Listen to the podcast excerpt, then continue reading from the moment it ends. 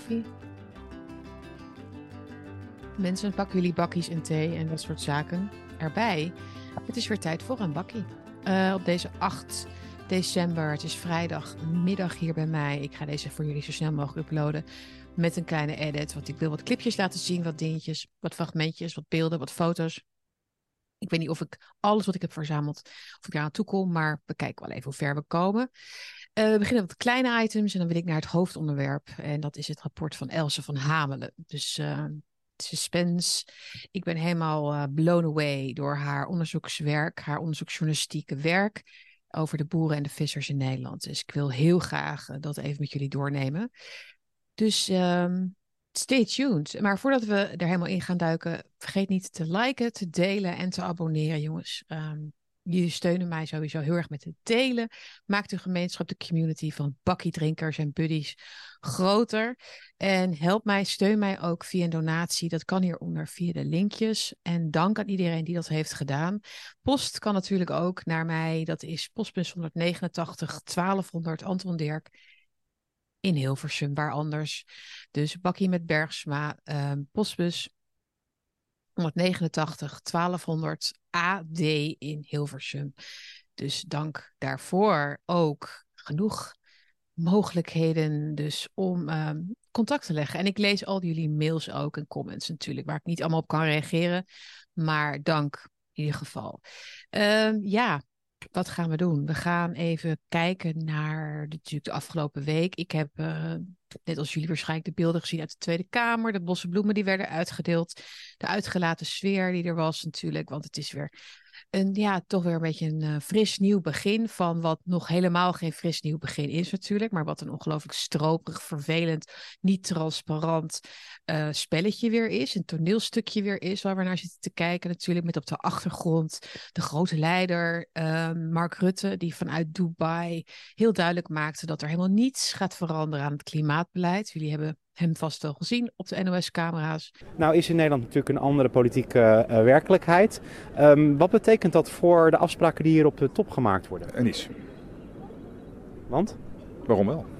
Ja, omdat er waarschijnlijk een kabinet komt die uh, anders tegen het klimaat aankijkt. Nou, dat weten we niet. Die formaties in Nederland duren eindeloos lang altijd. Dat is gebruikelijk. En uh, je weet nooit wat de uitkomst precies gaat zijn. En het huidige kabinet heeft een lijn en die zetten wij voort. Uh, en er is volgens mij veel steun voor. Ja, dat kan hij natuurlijk als geen ander weer lekker zo op die manier zeggen. Smalend, een beetje ons uitlachend vanaf een afstandje. Um, ja, zijn carrière. In zijn carrière is het allemaal niet zo belangrijk of er een verandering komt. Ik ga deze uitzending niet wijden aan de politiek. We hebben natuurlijk de afgelopen keren al uitgebreid bij stilgestaan. Wat we wel zien natuurlijk is een voortdurende verbazing en een voortdurende struggle, zeg je dat, worsteling met de PVV-kiezers. Wie zijn die mensen? Wat moeten we ermee doen? En zo kwam ik dus ook bij vanochtend bij het clipje van Fidan Ekis, die gisteravond bij Op 1, jullie kijken dat waarschijnlijk allemaal niet, ik ook niet, maar het gaat, er, het gaat even niet om of dat programma belangrijk is, maar even om hoe dit dus wordt uitgespeeld op het scherm. Dus de, de onrust die er is in, binnen de mainstream media, met name dus ook bij de publieke omroep, dat verplaatst zich nu naar de voorkant zeg maar, van het toneel. En dit is precies wat ik een aantal maanden geleden heb voorspeld dat er zou gaan gebeuren. Precies dit is dat de ellende, de ruzie, de stress, de spanningen die er zijn, wat moeten we doen met die mensen die thuis op de bank ons uitlachen? Dat zeggen ze niet zo, maar je snapt wat ik bedoel. Die spanningen, zeg maar, die worden eigenlijk op het toneel zelf uh, uitge. Uh, ja, dus het ontladen als het ware. En dat levert dus dit soort hele rare situaties op. Dus laten we heel even kijken naar Sven Kokkelman en Fidan Ekis hier bij uh, Op 1. Vanavond ook hier uh, aan tafel allemaal op deze voor ons uh, wat moeilijke dag. Zeker ook voor alle medewerkers van dit programma die gisteren uit de krant moesten vernemen dat na 4,5 jaar werken bij nacht en ontij, uh, zeven dagen per week, bij kabinetscrisis, bij oorlogen, bij corona, het doek voor dit programma valt. Ja, ik vind het uh, onprofessioneel. Ik vind het uh, onzorgvuldig. En ik vind het eigenlijk ook heel zorgelijk. Um, omdat we ook begrijpen dat er deels een um, politiek besluit aan um, vooraf is gegaan. En ik heb daar vragen over. We horen dingen als uh, dat uh, op één Wilders groot gemaakt zou hebben. Dat de NPO een links-progressief blok moet vormen. Ik vind Ik heb daar vragen over. Ik wil weten of dat klopt. En ik vind dat de publieke omroep er moet zijn voor het publiek. En dat de publieke omroep niet gedragen mag worden door politieke belangen. Al helemaal niet als dat gebeurt over de ruggen van, um, zoals Sven al zei, uh, medewerkers hier die keihard werken achter de schermen voor dit programma. En um, door hun loyaliteit in zekere zin te misbruiken. Want dat is wat ik eigenlijk zie gebeuren, omdat er natuurlijk ook een relatieafhankelijkheid bestaat. Want we werken allemaal voor de NPO. Dus dan um, loop je gewoon in de pas. Ik heb die vragen en ik wil heel graag weten hoe dat zit. Ja, en tegelijkertijd was het natuurlijk voor alles en voor iedereen een emotionele dag. Um, en uh, er waren ook mensen die zeiden: moeten we wel uitzenden vandaag? Daar waren echt wel twijfels over. Maar uiteindelijk was de conclusie toch: we zitten hier voor u. Uh, dames en heren. Dus ook vanavond zitten we hier voor u, ondanks deze gang van zaken. Ja, mevrouw... ja, zij moesten uit de media, uit de krant vernemen dat hun programma gaat stoppen en dat het plaats moet maken. Blijkbaar las ik ergens anders voor Khalid en Sophie of zoiets. Hoe heet dat? Programma? Ik weet het niet. Het is toch ook allemaal één pot nat. Maar goed, in ieder geval is de suggestie hier dus dat hun programma, hun op één programma, rechtser, kritischer en is eigenlijk op uh, ook het establishment. Ze laten Wilders, het, Wilders geluid, niet Wilders zelf per se, maar het Wilders geluid iets meer aan het woord. Dat wordt hier gesuggereerd. En dat is dan de reden waarom zij dus door politieke inmenging, politieke interventie zijn weggeplaagd, zijn weggepest van, het van de buis ja, dat is toch wel wat wat zij natuurlijk ook beweren als de reden. Dus de reden zou dus inderdaad politiek ingegeven zijn. En uh, om de gelederen te gaan sluiten, weer het linkse geluid uh, ja, uh, te laten domineren nog meer. Um, en dit is natuurlijk precies wat de oorzaak was van het um, Van de PVV-stem. Dus je kunt hier zien hoe het spel eigenlijk naar de voorkant wordt verplaatst. Het toneelstuk wordt uitgespeeld voor de mensen, voor het publiek. De ruzies worden eigenlijk daar uitgevochten op de tv zelf. Dus waarin iets wat eigenlijk altijd al zo was, namelijk, dus dat er een hiërarchie is natuurlijk, van de politiek naar de presentatoren, naar de medewerkers, dat iedereen zit in een script. Iedereen zit in een script, dat is al heel lang zo. Maar nu ineens wordt daar dus heel uh, ja, zijn er irritaties daarover. Omdat er zijn een aantal mensen binnengelaten, zoals Fidan en misschien ook wel Sven. En er zijn er wel meer. Ik denk dat ze bij Thijs van der Brink ook wel een beetje zitten van, oh, wat gaat hij doen? Wat gaat hij doen? Maar wat zegt dit eigenlijk dat, dat een programma, programmamakers, presentatoren in dit geval, er zat ook een programmamaker trouwens ook nog aan tafel, zijn beklag te doen over we hebben het moeten vernemen via via. Dat zit ze dus niet lekker. Uh, maar dit is een, een, kleine opstand die niet wordt gevoerd dus binnen kamers. Deze wordt gevoerd dus voor het zicht van het publiek. Wat heel veel zegt natuurlijk over de cultuur. De omgangscultuur, de bedrijfscultuur. De ideologie die eigenlijk op de werkvloer overheerst. De manufacturing consentregels waar ze zich aan moeten houden. Dit is niet de eerste keer dat Fidan dit natuurlijk gebeurt. Ze is al een keertje vanwege haar te kritische houding weggestuurd bij een programma. Ik weet niet precies wat dat was, maar ze is natuurlijk een absolute publiekslieveling. Ze doet haar werk heel goed. Ik vind haar heel eloquent uh, en ze is heel menselijk. Ze heeft een heel menselijk gezicht. Ik vond haar in de coronatijd wel weer heel erg tegenvallen, om alle redenen die we kennen natuurlijk. Maar dat is blijkbaar iets wat niet anders kon of zo. Maar ook weer die hele ja, sceptische houding waar dat echt niet nodig was naar andersdenkenden en artsen enzovoort. Maar Fidan heeft over het algemeen heeft zijn hele goede, goed imago, denk ik, voor een heel breed publiek. Dus het feit dat zij en Sven Kokkelman, ook een absolute publiekslieveling, al, al heel lang, meer dan tien jaar denk ik, dat deze twee ja, uh, ongelooflijke talenten eigenlijk worden die manier worden aan de kant worden gezet, zegt alles eigenlijk over de belangen daarboven en over het, de structuur eigenlijk van de NPO en hoe het daar werkt. De manufacturing consent machine eigenlijk, die daar natuurlijk moet blijven draaien. Maar dat weten we allemaal. Maar wat dit interessant maakt, deze onthulling op de buis, hè, dus het eigenlijk het uitspelen en uh, het, het, het, naar de voorkant halen van die ruzie uh, het spelletje wat er wordt gespeeld, het in de krant zetten en wij moeten dat horen.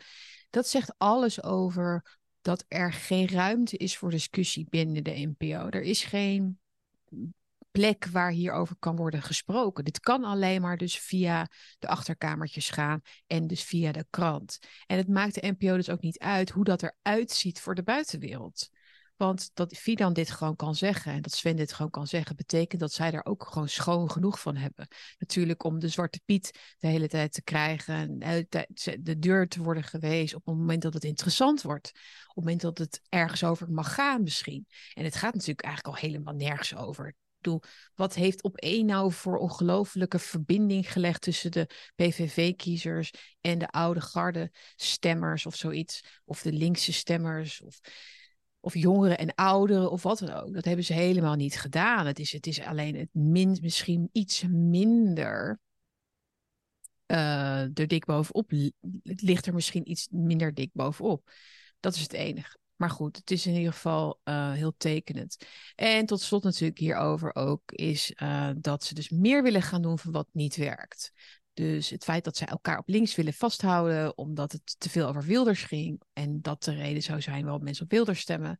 Als je dat nu nog denkt, dan ga je nog veel, veel, veel, veel meer van de regen in de drup, zeg maar, raken. Want dat is niet waarom mensen op Wilders hebben gestemd. Het is niet, niet omdat Wilders aandacht kreeg. Het is juist om wat jullie weglaten. Het is om wat jullie allemaal weglaten in die tv-programma's, waar het niet over mag gaan. De zorgen van de gewone man, de burger, de visser, de boer, de tuinder, de jongeren, de ouderen, de zieken, dus de kwetsbaren, al die mensen zijn allemaal gereduceerd tot consumenten. En die moeten gemanaged worden in dat grote bedrijf wat, Nederland, wat Nederland PV heet. Als dat de stijl van tv maken is, eh, dan zal PVV alleen maar blijven stijgen in de peilingen. Er is geen zachte landing voor het linkse voor de linkse cult. Er is geen zachte landing. Jullie moeten uiteindelijk gaan toegeven dat jullie op heel veel gebied gewoon ongelijk hadden. Ehm, maar ik verwacht dat eerlijk gezegd niet. Dus misschien alleen maar goed dat ze dit op die manier menen te moeten doen. Ik weet het ook niet, maar oké, wat hadden we verder? Wat vinden jullie van mijn lichtjes trouwens? Is het een uh, poffertjeskraam of valt het wel mee hier? Het heeft nog wel iets nodig. Iets, dit is nog niet echt kerstig genoeg, hè? Ik bouw het rustig op. Ik bouw de, ik bouw kerstsfeer hier rustig op. Ik begin met een paar lichtjes. We weten niet waar het eindigt. Genoeg over de NPO. Dat was eigenlijk alleen even om mijn stem op te warmen. Genoeg, genoeg over die moreel failliete treurbuis. Uh, het echte onderzoek gebeurt elders. Uh, de journalistiek gebeurt elders. En de verhalen liggen natuurlijk op straat. We hebben het allemaal niet nodig. Uh, en gisteren viel mijn oog op het fantastische rapport van Elze van Hamelen. Zij is onderzoeksjournalist, zij schrijft voor de andere krant, maar ze heeft dus ook een opdracht van het Solari-rapport van Catherine Austin Fitz. Onderzoek gedaan naar, uh, ik moet even precies zeggen, de Nederlandse boeren en vissers en de ondermijning van eigendomsrecht en de voedselvoorziening. Elze van Hamelen heeft een fantastisch 105 pagina dik rapport geschreven, verslag, zeg je dat? Um, over eigenlijk de ontstaansgeschiedenis van het uh, herinrichten, opnieuw inrichten eigenlijk van het Nederlandse landschap. En waar dat begonnen is. Maar niet zonder dat je in allerlei verschillende uh, rabbit holes terechtkomt. Zij heeft ongelooflijk veel bronnen gebruikt. Ze heeft ook een heel mooie samenvatting gemaakt. En ze heeft uh, een hele mooie opbouw eigenlijk gecreëerd van wat nou precies de achterliggende motivaties waren om de Nederlandse boeren dus in een geïndustrialiseerde landbouw te krijgen na de Tweede Wereldoorlog. En van daaruit langzaam eigenlijk naar waar we nu zijn, naar, het naar de onteigeningspraktijk, het afwillen van eigendom en het ja, verduurzamen eigenlijk van de landbouw en het redden van de natuur. Maar ze heeft ja, het is, het is, het is ongelooflijk uh, aanrader om het gewoon even helemaal te lezen. Uh, laten we even kijken gewoon naar het clipje eigenlijk van de koers 2030. Wat speelt er precies rondom de boeren en vissers? Wat is het grotere plaatje, de historische context?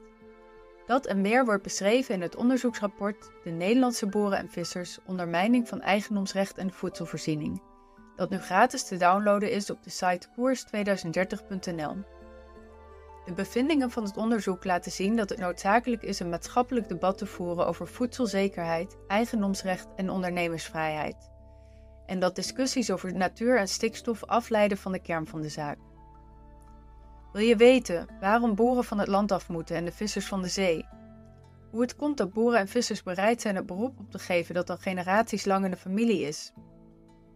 Dat de achtergrond van wereldwijde natuurbeschermingsmaatregelen in feite een verkapte onteigeningsagenda is? Wat de ruilverkaveling met Natura en Smart Cities te maken heeft? Waarom het bijna onmogelijk is je eigen woongemeenschap te starten? waarom meer dan de helft van de wereldbevolking in steden woont. Dit is een historisch unicum.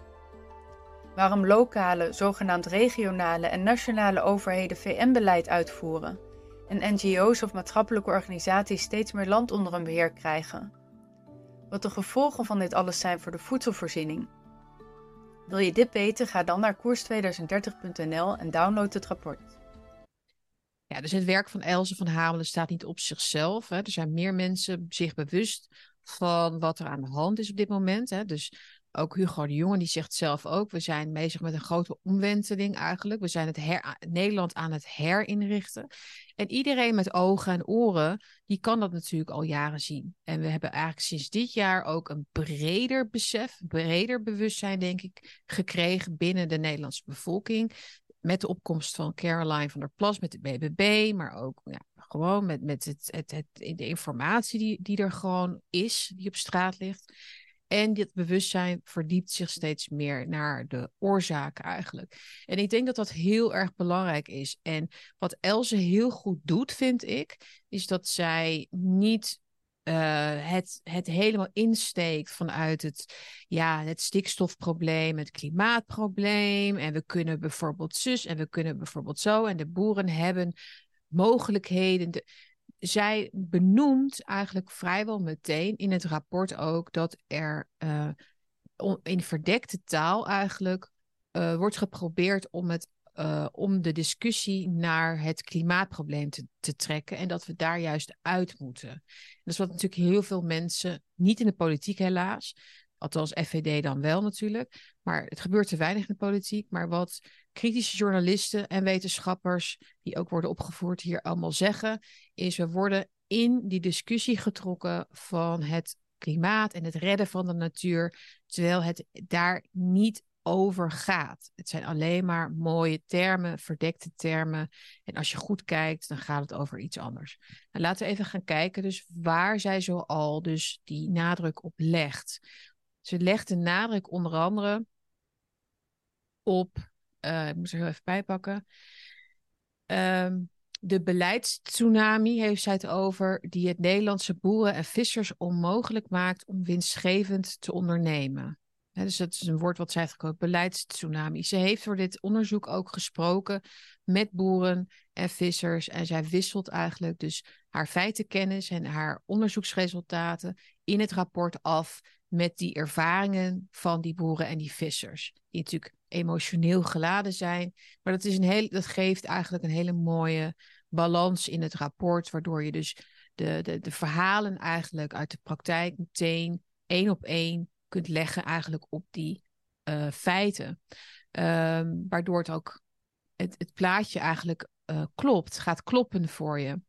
Uh, zij uh, schetst in het verslag de dwingende oplossingen die de overheid oplegt en de gevolgen daarvan. Ze bespreekt en waarschuwt voor de gevolgen van industriële landbouw met Nederland als case study. En ze belicht de lange geschiedenis van planning vanuit de VN om land, mensen en zeeën te beheersen. Dan uh, stopt ze daar niet. Dan analyseert ze ook nog de surveillance- en controle-infrastructuur, waaronder de economische oorlogsvoering door exploderende energieprijzen, waardoor gecentraliseerde controle over de voedselvoorziening mogelijk wordt. En ze kijkt waar de huidige ontwikkelingen naartoe leiden en ze verkent mogelijke oplossingen.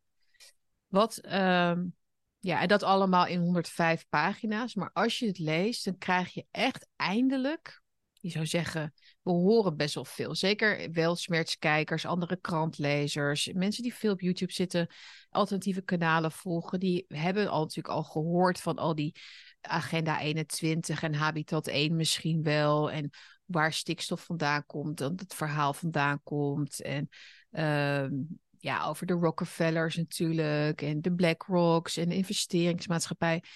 Dat is eigenlijk allemaal wel redelijk verondersteld nu, die kennis en het plan achter de onteigening. Dat dat niet gaat over natuur, maar gaat over het verkrijgen van eigendom. Uh, land, uh, verkrijgen van land eigenlijk voor de overheid om daar naar eigen inzicht natuurlijk uh, alles mee te doen. Dat weten we nu wel. Maar hoe het eigenlijk allemaal met elkaar samenhangt, dat was voor mij nog niet precies duidelijk. Want je denkt dat het een enorme rabbit hole excursie is, maar dat valt dus ontzettend mee. En ik vind dat Else enorm goed geslaagd is, in, is om dit eigenlijk volledig uit het wappie-terrein, om ik het zo maar even te noemen, te halen en, en, en puur op basis van feiten eigenlijk uh, te vertellen hoe het is gekomen dat, puntje, puntje. En ze begint eigenlijk bij de Tweede Wereldoorlog of vlak daarna. En toen is Nederland veranderd, zegt zij. Toen is er eigenlijk met die Marshallhulp vanuit Amerika besloten om al die kleine 1, 2 hectare uh, land, die, uh, grond die boeren hadden eigenlijk, waarmee ze een gezinsinkomen hadden, om dat om te gaan zetten eigenlijk in de, in de in, meer, in een meer efficiëntere, zoals zij het noemt, een efficiëntere uh, meer rationele uh, landbouwmethode. Ja, zij, zij schetst het beeld eigenlijk van die schaalvergroting die toen is ontstaan, de ruilverkaveling die is ontstaan, de opkomst van de agribusiness heeft ze het over, die een dominante speler wordt voor de wereldvoedselproductie. Ehm, ja, uh, kijken. Ze zegt de boerderij is niet langer een autonoom, functioneel geheel boerenbedrijf is afhankelijk van de internationale markt voor financiering en voor de invoer van zaden, kunstmest, pesticiden en invoer van andere producten. Uh, ja, en dat, is, dat gaat dan gepaard met de verstedelijking natuurlijk na de Tweede Wereldoorlog en de grootschalige vernietiging van de natuur. En dat, daar zit natuurlijk een beetje de crux wel. Van, ja, de natuur is door al die schaalvergroting vernietigd. Hè? Dat zou je dan kunnen stellen. Of er is minder divers. Uh, er is minder biodiversiteit in het land te zien. Dat is zeker veranderd in Nederland uh, in, die in de afgelopen 60 jaar. Maar de oplossing is dus niet het, het teruggaan eigenlijk naar de basis, eigenlijk teruggaan naar die autonomie, waarin die boer heggen heeft op zijn land, waar allerlei kleine zoogdieren in kunnen leven, waar allerlei vogels hun nesten kunnen bouwen en allerlei verschillende uh, bloemen kunnen ontstaan en waar juist met vee dus een hele gezonde grond kan ontstaan met humus en uh, dat soort zaken. Maar die natuur is niet geholpen natuurlijk met wat er nu aan de hand is. Want uh, er is steeds meer prikkeldraad in het landschap gekomen en steeds minder begroeiing, min, minder beschutting enzovoort. En, maar vooral de regels zijn natuurlijk absurd. Echt werkelijk absurd te noemen. Uh, uit het rapport heeft ze hier een citaat van een visser uit Urk. En die heeft het over de manieren waarop de overheid van vissers eist te bewijzen dat hun activiteiten niet schadelijk zijn. Uh, hij zegt dat grenst aan het belachelijke. Nou, ik denk dat het er al lang overheen gaat. Hè? Dus het rapport beschrijft ook de fosfaat, het fosfaatbeleid, wat ze hebben gehad al natuurlijk uh, voordat de stikstof er was. Maar hier gaat het dus over um, het onderzoek wat Post moest doen, of waar hij aan meewerkte, naar het effect dat de schaduw van een vissersboot op, de, op het onderwaterleven zou hebben. Oké, vissers mogen de natuur niet beïnvloeden, zegt Post, maar tegelijkertijd worden we door zeehonden en zeevogels gevolgd. Zij weten waar ze voedsel kunnen vinden. Hebben onze schaduwen een negatieve invloed op ze? Ja, dat is natuurlijk gewoon gek maken, letterlijk. En ik denk dat dat ook goed uit de verf komt in dit rapport, in dit onderzoek, is hoe, wat voor weerslag dit beleid heeft gehad op vissers en boeren. Omdat dat uh, niet alleen maar door hoepeltjes springen is de hele tijd, maar het is die onzekerheid. Het is het niet hebben van je eigen autonomie. Het is investeren bijvoorbeeld in stallen en in, in nieuwe innovatie, niet wetende of het genoeg zal zijn hè, voor de landheren gezeten in Brussel. Want dat, daar komt het eigenlijk op neer. Of de landheren gezeten misschien wel bij de hele grote industrieën in Amerika, die natuurlijk via een soort moderne kolonisatie ook Europa uh, willen, uh, ja, onder hun macht willen krijgen. Hè? Dus macht over de voedselproductie in de wereld. Dat is misschien ook wel gewoon de grote reden waarom dit allemaal gebeurt. POS merkt op, ze volgen de strategie van Build Back Better. Je kunt alles afbreken tot het absolute nulniveau, maar je vaart met je schip tegen de havenkant. Ze veranderen de natuur, breken het af, herstellen het, veranderen het in een woestijn. Op een gegeven moment hebben we niet genoeg voedsel meer. Gidsland Nederland wordt helemaal verpletterd. Ze presenteren visierapporten over krekels en zo. Daar investeren ze meer in dan in de visserij. Laten bureaucraten verantwoording afleggen over deze visies. Natuurlijk, je krijgt subsidie, maar je bent ook verantwoordelijk als het fout gaat. Absoluut. Ik denk uh, dat Elze van Hamelen hier heel goed heeft aangetoond in dit rapport. Uh, wat voor iedereen goed te volgen is. Je hebt geen echt basiskennis nodig over landbouw, visserij. Ja, misschien dat je even ruilverkaveling moet opzoeken of zo. Maar je kunt het redelijk goed volgen en je kunt je ook heel erg invoelen eigenlijk in de situatie die er nu speelt bij deze mensen. Um, en hoe het is gegaan eigenlijk. Het is eigenlijk nog een wonder dat er nog zoveel boeren staan, dat er nog zoveel boeren werken. Misschien wel leuk om te noemen. Het rapport begint met een, een citaat van John Rappaport. Uh, en in interview met propaganda-expert Alice Medavoy. En hij zegt: Niet lang nadat we elkaar voor het eerst ontmoeten, zei Medavoy tegen mij: Weet je, ik kan je vertellen hoe je een wereld moet runnen. Ik lachte. Tuurlijk. Jazeker, zei hij, je verzint iets ingewikkelds. Dan breng je dat in de samenleving en kijk toe hoe het zich ontvouwt. Je maakt het zo complex dat er een heleboel mensen nodig zijn om het te ontrafelen en erover te discussiëren. En dan heb je ze. En nog iets, wat je bedenkt moet geld kosten. Veel geld. Dit, uh, deze opening, dit citaat wat, wat Else hier gebruikt, deed mij denken aan het werk van C.S. Lewis, de Screwtape Letters. Dat kennen jullie misschien nog wel uit de vorige uitzendingen. Uh, het is vertaald in, naar het Nederlands en dan heet het Brieven uit de Hel.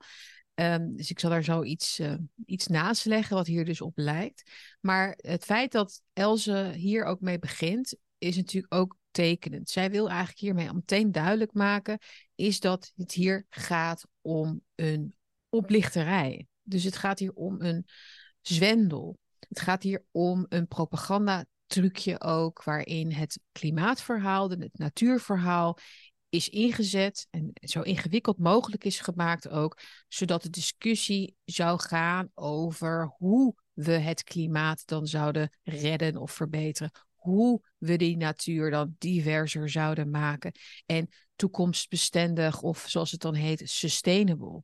En zolang je mensen laat vechten over dat soort termen en je, en je, en je laat mensen vechten over wat er mogelijk is binnen die kaders, komen ze niet toe aan de grote leugen daarachter. En dat is natuurlijk dat het land van de mens, de, boer in dit geval, of de visser, moet gaan naar de staat die in het algemeen belang ervoor kan zorgen dat het, het, het grond zo efficiënt en rationeel en duurzaam mogelijk wordt gebruikt voor de voedselvoorziening of iets anders wat ze natuurlijk daar dan mee willen gaan doen. Dat is ook de hele reden achter de verstedelijking. Zoveel, mensen, zoveel mogelijk mensen naar de stad krijgen, zo min mogelijk verkeer, zo, weet je wel, zo, zo weinig mogelijk eigenlijk verspreiding van burgers over het land. Wat is de rode draad in dat alles? Het hele landschap, sociaal, uh, de sociale geografie hier eigenlijk. De rode draad is natuurlijk dat wij zo min mogelijk controle en autonomie hebben over ons eigen leven. En dat is wat Else van Hamelen met dit citaat eigenlijk al een beetje inleidt, maar dat komt vaker dus voor in het rapport waarin ze het daarover heeft. Het is een controlemechanisme en dat is ook precies wat Catherine Austin Fitz beaamt. We have a society and a group of people who are being targeted in a mm-hmm. very dirty, vicious game. Yes. And they can't see it whole. Mm-hmm. It's too complicated. It's too. You know, we're all focused on our piece. So I'm a farmer, I'm a fisherman, and we can't fathom that there's a group of people who've decided, as the World Economic Forum states openly, it's 2030, you have no assets. That means we're going to take all your assets, starting with your land. And they just can't believe that this is a plan. Yes. And of course, it's a plan. Je hebt hier het gesprek tussen hun over het rapport. Ontzettend interessant om ook naar te luisteren. Het duurt twee uur ongeveer. Ehm, en het wordt inderdaad steeds meer zichtbaar hoe via dat Habitat 1, maar ook dus Agenda 21 en later dus Agenda 2030, waarin met name de Verenigde Naties een belangrijke rol hebben gespeeld, hoe steeds meer zichtbaarder eigenlijk wordt wat de, de werkelijke bedoelingen zijn van deze planologen en de plannen met het herverdelen en het controleren van de voedselproductie. Het geeft een diep, diep cynisch mensbeeld eigenlijk weer ook. Maar ik denk niet het mensbeeld wat de meeste mensen hebben. Het is letterlijk het mensbeeld wat de boven ons gestelden hebben over ons. Maar het is allemaal ingegeven eigenlijk door macht en invloed. Misschien, toen ik het, toen ik het las, dacht ik ook...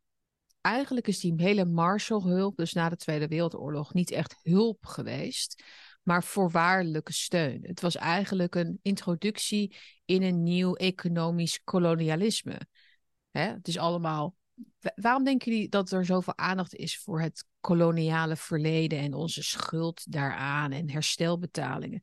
Dat is een aflaat. Het is een afleiding weer van het feit dat wij nu leven, in Europa dus ook. Hè? Dus ik heb niet over een of ander landje ergens vergeten, achterhoek ergens van Afrika. Nee, het gaat over Europa. Dus in Europa zijn wij eigenlijk in een feodale staat gebracht. Waarbij Amerika met die grote agrarische agribusinessbedrijven, die in handen zijn van vier, vijf mensen ongeveer, of vijf, vier, vijf spelers moet ik dan zeggen. Met BlackRock als investeerder onder andere en Vanguard en nog een paar. Deze mensen bepalen dus hoe wij onze industrie, onze landbouwindustrie, onze visserij, onze innovatie, onze, ja, onze, eigenlijk onze hele economie moeten inrichten. Of, ik weet niet of ze echt willen dat we ook insecten gaan eten en dat soort zaken. Maar het gaat uiteindelijk om controle. Het gaat, daar gaat het om. Dus de controle houden over hoe mensen consumeren. En hoe boeren dus ook hun bedrijf voeren. Dit rapport rekent ook goed af met het vooroordeel of de aanname dat boeren hele rijke mensen zouden zijn, uh, die maar ook even wat ruimte moeten maken en wat solidair moeten zijn met mensen in het land. Want zij houden de stikstofcrisis in stand en houden het land op slot. En dat soort verschrikkelijke, feitenvrije uh, narigheid die je vaak hoort dat is dus niet zo. Boeren hebben uh, enorme schulden eigenlijk. En het staat in geen enkele verhouding tot de winsten die ze nog maken. De precieze aantallen staan ook in het rapport. Um, het is eigenlijk, dat maakt het boerenbedrijf dus ook meer een onderneming in plaats van een ambacht. Die mensen zijn eigenlijk altijd bezig met banken, met leningen, met voorwaarden, met eisen, met nieuwe eisen. Een mooi voorbeeld daarvan is. Um, in het rapport of in het gesprek met Austin Fitz, weet ik niet, heeft Elzen het erover dat, die, uh, dat de situatie ontstond op een gegeven moment bij boeren dat ze dingen deden op het land, dus bepaalde beplantingen of bepaalde inrichtingen, weet ik precies, zodat er wat meer uh, biodiversiteit zou ontstaan. Nou, op het moment dat dat dus gebeurde, vertelde zij, dus dan hadden boeren bijvoorbeeld een paar hegjes aangelegd, dan kwamen daar wat nieuwe diertjes en zo. En dan kwamen dus de ambtenaren weer het erf op en die zagen dat. En wat er dan gebeurt is dat je dan natuur hebt gemaakt. Nou, fantastisch, dat was toch de bedoeling? Nee, want dan krijg je die double bind theory die dan in werking treedt. Hè? De damned if you do, damned if you don't um, theorie. Dan word je dus ineens gezien als een omgeving die beschermd moet worden. En dus dan val je weer onder strengere regels. Zeg ik even in mijn eigen woorden zo. Because the government is right now stimulating the hedges part. But what happens then to farmers is that they place these hedges. They are maintaining nature, and then they say, well, we have this endangered species there now, and now there needs to be a buffer zone, and you have to reduce your cows. So it's dangerous to kind of like increase the biodiversity because before you know it, you're in some protective area and they will stop you from doing your work. Maar dat is die double bind. En dat is die gaslighting ook, die Catherine Austin Fitz gelukkig ook gebruikt in het gesprek om aan te geven waar we mee te maken hebben.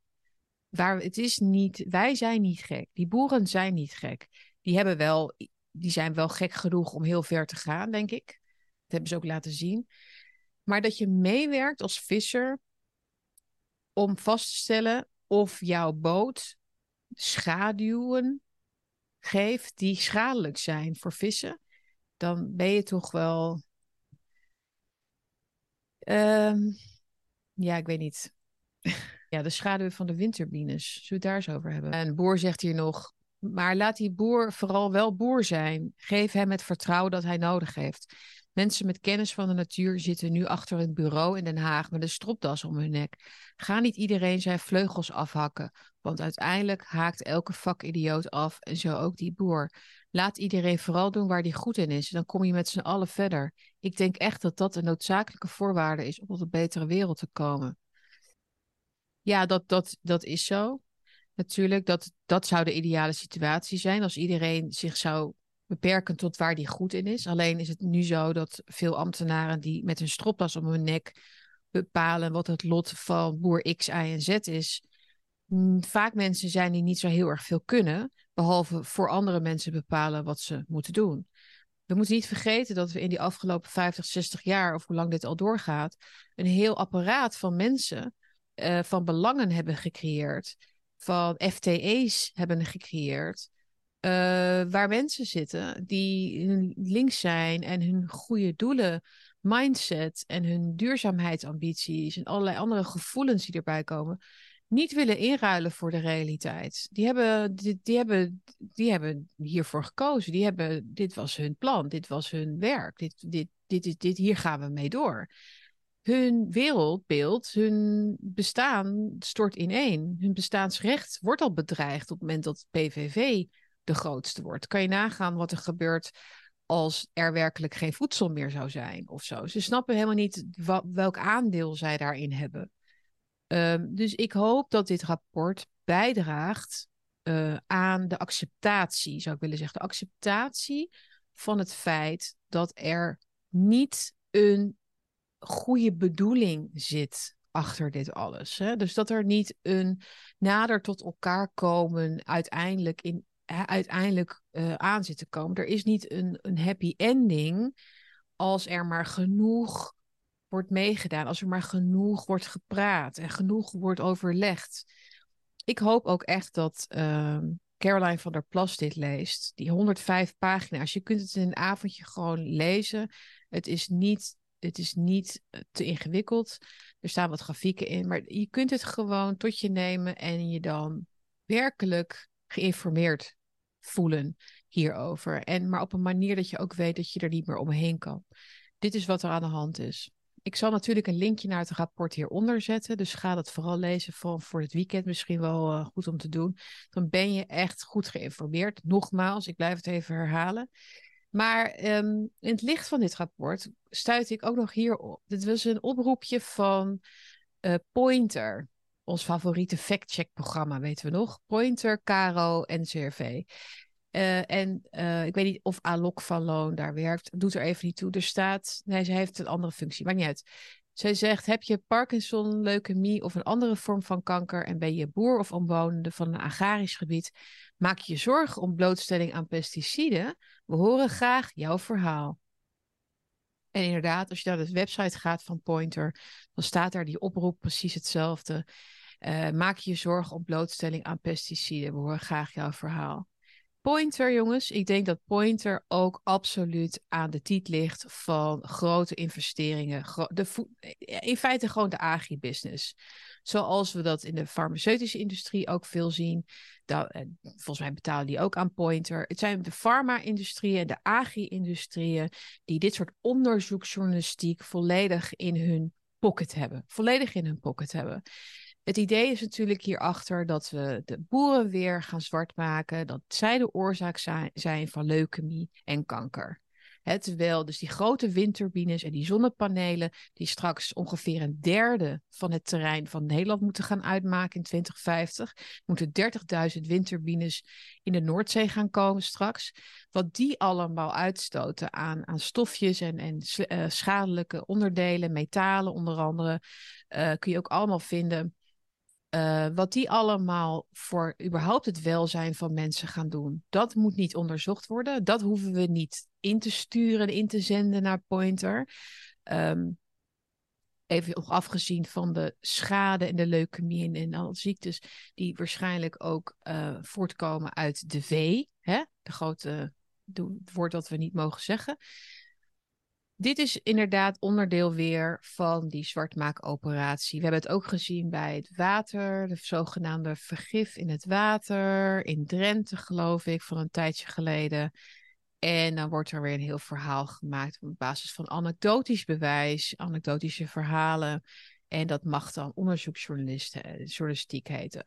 Pointer richt zich letterlijk dus op uh, partijen die uh, niet uh, niet, niet een bijdrage leveren eigenlijk aan de, aan de plannen. Dus um, ernstig, ik zou heel graag willen weten inderdaad wat Pointer is. Waar worden zij door gefinancierd? Zijn zij dezelfde mensen als Pointer met een Y? Wat, wat je, dat is een Amerikaans programma volgens mij. Dus dat klinkt een beetje hetzelfde, maar ik heb daar nog niets over kunnen vinden. Um, of gaat dat juist weer heel organisch? Gaat dat ook bijna vanzelf eigenlijk? Worden die mensen die daar werken zo op die manier opgeleid? Dat het erger is als de boeren iets vervuilen dan als de grote industrieën de machtige industrieën met alle lobbyclubs erachter iets vervuilen en mensen ziek maken. Wat, wat zich hier aftekent is dat de kleine man de alle schuld op zich moet gaan krijgen van, van ziektes, van ellende, van watersnood, van klimaatrampen, van milieurampen. Alles, al het slechte wat er gebeurt is allemaal de schuld van het individu, de autonome mens nog, die nog durft te bestaan, die nog durft te ademen en schade aan te richten aan zijn omgeving. En dat alle grote spelers, grote partijen die werkelijke grote schade, grote afbraak van ons land op hun namen bestaan, die moeten uit de wind blijven. Het is toch ongelooflijk duidelijk wat hier aan de hand is. Hoe kun je nog als journalist hier aan meedoen? Het moet echt een keer afgelopen zijn. In de samenvatting van het rapport kun je ook nog lezen. Dan zien we ook de oplossingen die Els eigenlijk noemt. Uh, en ik denk dat dit heel erg goed gemotiveerd is door haar en heel essentieel. Ze zegt: bescherm het eigendomsrecht, zegt ze. De kern van het debat rond de boeren dient te gaan over voedselzekerheid, bescherming van eigendomsrecht en vrijheid van ondernemerschap. Niet over stikstof of natuur. Luisteren jullie mee, BBB? Probeer het eens gewoon een paar maandjes, een paar weken. Het gaat niet over stikstof. Niet daarover. Kijk eens, kijk eens of de wereld in duizend stukjes valt als jullie een keer niet meegaan in het verhaal. Wat er dan gebeurt. Please. De bescherming van eigendom en de vrijheid daarover te beschikken is een voorwaarde voor een vrije samenleving en een bloeiende economie. Die vrijheid staat nu onder druk. Ja, ik wil niet in een land leven waarin politici eigenlijk het vrijheidsrecht, maar ook dus het eigendomsrecht, niet eens meer een discussiepunt vinden als dat onder vuur ligt. Daar begint het uiteindelijk mee, wat Van Hamelen ook heel terecht zegt. Beschermde voedselzekerheid heeft ze dan ook over. Stop per direct met het slopen van vissersboten. Bescherm en ondersteun de boeren en vissers. Zet in op het produceren van meer voedsel door het MKB. Organiseer een conferentie voor boeren en vissers om hen zelf oplossingen te laten aandragen. In eerste instantie zijn NGO's, overheden en het grootbedrijf niet aanwezig. Ja, precies. Weiger ook voortaan dus andersom aan te schuiven bij de grote overlegtafels, zodat je je woordje kunt doen, maar uiteindelijk geen enkele invloed hebt. Dat, is, hebben, ze, dat hebben ze ook de afgelopen jaren gedaan. Hè? Dat is ook de reden waarom AGA-actie en de LTO dus eerder dit jaar uit die overleggen zijn gegaan, omdat ze daar geen zin meer in hadden. Maar het was wel rijkelijk laat. En de cultuur is nog steeds wel zo dat het goed dat, je, goed dat het goed wordt gevonden om toch maar mee te praten. Want ja, niet meepraten, dan kom je ook zo ja, is ook zo, zo hakkerig in het zand over, toch? Ja, maar je doet mee aan de spelregels die zij de hele tijd veranderen. Doe daar niet aan mee. Doe niet mee aan het spel, zonder dat je weet wat het spelwoord die dag is. In ieder geval. Terugbrengen van ondernemers, vrijheid uh, heeft Else het over. Alle beroepsgroepen die te maken hebben met verstikkende wet en regelgeving, krijgen de kans deel te nemen aan een survey. Hierin kunnen de deelnemers aangeven wat de meest tijd- en geldrovende zinloze regels zijn binnen hun beroep. Deze regelgeving wordt per direct geschrapt. Nou, dat vind ik een hele goede, uh, goed idee. Begin inderdaad bij de meest draconische, bizarre, waanzinnige regels. En ga daarvan afspreken, daar gaan we nu onmiddellijk mee stoppen. Uh, en dan kun je van daaruit eigenlijk naar binnen toe werken, naar, naar, naar de rotte kern. De rotte kern die natuurlijk is dat je niet meer zelf mag nadenken over je eigen bedrijf. De consument steunt de boeren en vissers door te stemmen met je euro's. Boycott de supermarkt waar je kunt en koop zoveel mogelijk lokaal. Direct van de boer of via een tussenpersoon. Nou, dit hebben we natuurlijk al heel vaak gehoord. Dit blijft heel belangrijk. Ik weet dat heel veel mensen het gemak daarvan nog niet meteen misschien zien. Je moet soms omrijden. Je, moet, ja, je hebt misschien niet alle producten in huis die je wilt. Maar daar krijg je op een gegeven moment handigheid in, inderdaad. Uh, ik probeer het ook zoveel mogelijk doen. Elke week in ieder geval zoveel mogelijk direct van de boer. Of ik ga naar biologische supermarktjes of de markt. Waarin ik dus goed kan zien waar het vandaan komt. En dan is het eten vaak ook lekkerder. En ik wil best iets meer betalen ook. Uh, als ik daarmee de boer help. Um, investeerders, ontwikkel onafhankelijk van de overheid en Rabobank een investeringsfonds om noodlijdende boeren te ondersteunen en, en nieuwe startende boeren aan land te helpen. Ja, geweldig. Um, ja, en natuurlijk zijn ze hier uh, juist heel erg bang voor dat dit gaat gebeuren. Um, maar wat hun troef is, wat zeg maar hun macht is op dit moment, hè, dus de grote spelers op dit moment uh, die dit plan uitrollen de, via Hugo de Jonge en zo, de, grote herinrichting, is dat ze het zo aanpakken, stapje voor stapje, dat het lijkt alsof iedereen individueel getroffen wordt, individueel geraakt wordt. Dat benoemen Catherine Ostenfitz en Else van Hamelen ook heel goed in die uitzending, in dat gesprek, maar het komt ook voor in het rapport, volgens mij, is dat die tactiek van het individueel dus um, uh, raken uh, van de boer, zodat hij niet samen met anderen kan optrekken en zich kan verzetten, is uh, ook iets om te herkennen dat dat gebeurt. Het is dan weer de visser, het is dan weer de boer en dan is het weer even niet de kringloopboer, maar later weer wel. Dus iedereen voelt zich heel alleen staan in, dit, in deze strijd tegen de overheid. Maar ik denk dat als we meer begrijpen dat we niet individueel worden uh, getarget, is het woord wat ik zocht eigenlijk, uh, worden getarget, maar dat het iedereen raakt en dat iedereen straks eigendomsrechten moet gaan inleveren, dan uh, kunnen we ons ook meer als een eenheid verzetten tegen het beleid. Dit is natuurlijk opzettelijk zo gedaan. Hè? Dus isoleren van eigenlijk die groepen. en ze op die manier dus um, proberen te schaden. Ze eigenlijk te proberen ja, zo te vermoeien eigenlijk en te demoraliseren dat ze zich zullen voegen en dat ze zich zullen ja, onder, uh, onderwerpen eigenlijk aan de regels van de overheid. Stukje voor stukje. En dat is hoe ze het proberen te doen. Met stapjes. En ik denk dat we die stapjes bij elkaar moeten optellen en moeten zien voor het geheel wat het is. Het totale plaatje, het totale instrumentarium wat ze inzetten heeft allemaal dezelfde ingrediënten. Het heeft allemaal dezelfde tactiek. Ja, voordat ik echt ga afsluiten, wilde ik het nog heel even hebben over C.S. Lewis. Ik had het er net al heel even over. Maar C.S. Lewis heeft in begin jaren 40 uh, het boek Screwtape Letters geschreven.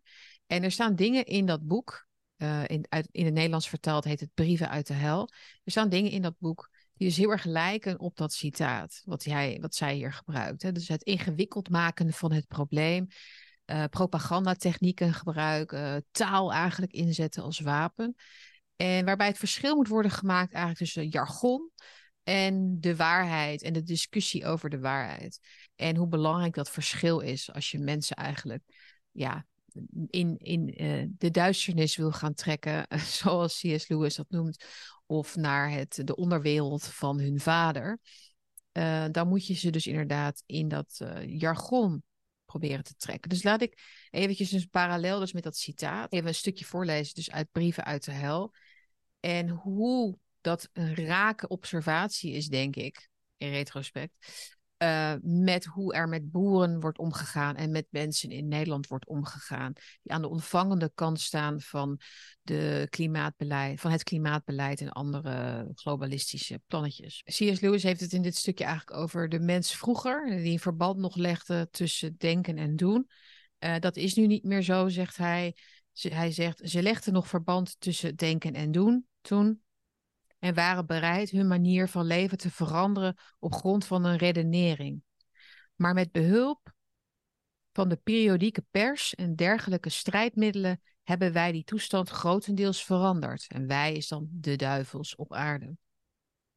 Je hebt nu met iemand te maken die van kindsbeen af gewend is zijn hoofd te vullen met wat tien onverenigbare opvattingen tegelijk.